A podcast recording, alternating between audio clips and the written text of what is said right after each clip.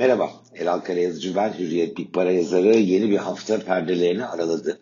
Geçen haftayı hatırlayalım, borsada %0,7'lik bir değer artışı görmüştük ki aslında bu oran daha da yukarıdaydı. Fakat Cuma günü yine %0,7'lik kayıp adeta o %1.4'e yakın getirinin yarısını yutmuş oldu. E, döviz cephesinde dengeliydi aslında tablo. Euro %0,3 yukarı giderken dolar geçen hafta %0,4 aşağıya geldi. Altında ise gram fiyat TL bazında binde bir kadar bir değer artışına imza attı. Ee, ama haftanın biz ikinci yarısına bakalım. Eylül özelinde durum ne dersek bugün Eylül'ün dördüncü işlem günü olacak.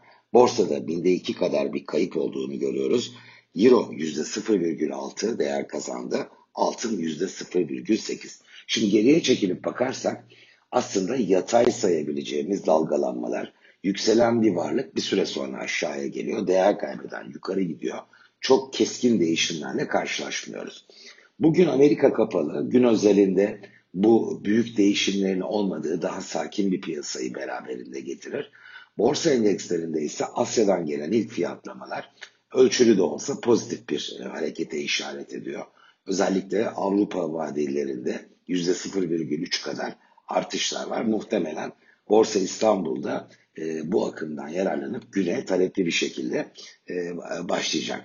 Şimdi geçen haftadan bugüne devreden ve hafta sonunda öne çıkan piyasaları etkileyebilecek başlıklar nelerdir dersek hem Amerika'da tarım dışı istihdam hatta buna biz istihdam veri seti diyelim çünkü e, manşet veriden daha önemli olan saatlik kazançlarla beklentilerin çok üzerinde bir artış olmasıydı.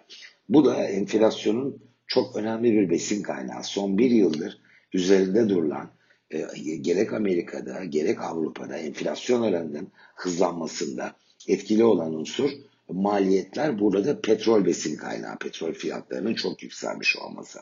Fakat saatlik ücretlerde hızlanış, e, artışın kuvvetlenmesi talep yönlü olarak da enflasyonun ikinci bir besin kaynağını e, elde edebileceğini gösteriyor. Bu da zaten e, Amerikan Merkez Bankası'nın ve keza e, onun paralelinde Avrupa Merkez Bankası'nın enflasyon konusunda e, çözüm üretmek, enflasyonu frenlemek için ekonomiye verilen desteği daha hızlı azaltabileceğini düşündürüyor. E, Türkiye özelinde e, bizim de Ağustos enflasyonumuz açıklandı ve manşet veri beklentilerin üzerinde bir gerçekleşme ortaya koydu. Ee, şimdi üstüne de hafta sonunda orta vadeli program resmi gazetede yayınlandı. Benim gördüğüm orta vadeli programda Türkiye iki e, çözmek istediği ekonomik problemden biri hayat pahalı, diğeri işsizlik. Önceliği işsizliğe vermiş görünüyor. Tabii bir şeyi tercih etmek onu çözmek anlamına da gelmiyor.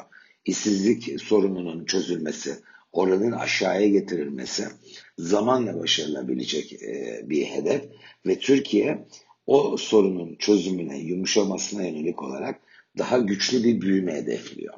Bu evet kulağa hoş geliyor ama daha güçlü büyüme demek aslında bunun bir e, yan etkisi var. O da görece daha yüksek enflasyon demek. Türkiye'de burada e, hayat pahalılığı sorununu çözmeyi ikinci plana bırakıp önceliği ekonomiyi büyütüp hızlandırıp işsizliği yumuşatmaya vermiş. Sonrasında da muhtemelen enflasyon devreye alınacaktır. Bir piyasa etkisi çıkar mı orta vadeli programdan? Ee, belki Türk lirası özelinde ölçülü bir etkisini görebiliriz. Bu enflasyon ve kurla ilgili işte döviz kurları yukarıya gitsin, enflasyon yüksek kalsın denmiyor elbette programda. Ama bu tarafta görece daha e, yumuşak bir tavrın olması e, dolar TL özelinde 8.26 seviyesine, Euro TL özelinde de 9.80-9.81 seviyesine etkili olabilecek bir destek olarak bence öne çıkartıyor.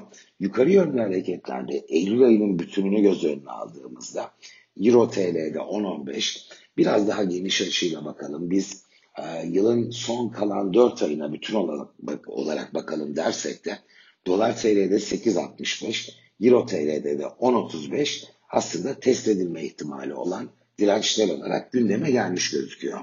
Borsa e, önce sert bir sıçrama görmüştük 1350'den 1435'e doğru. Sonrasında borsa daha zamana yayarak, daha yatay sayabileceğimiz hareketlerle yoluna devam etmişti. 1490 e, hafta özelinde, 1525 Eylül özelinde bence e, test edilme ihtimali olan e, direnç seviyeleri aşağı yönlü hareketlerde ise ben Eylül ayı bütününde 1420 seviyesinin Borsa İstanbul'da e, dikkate alınabilecek bir destek olarak e, değerlendirilebileceği görüşündeyim.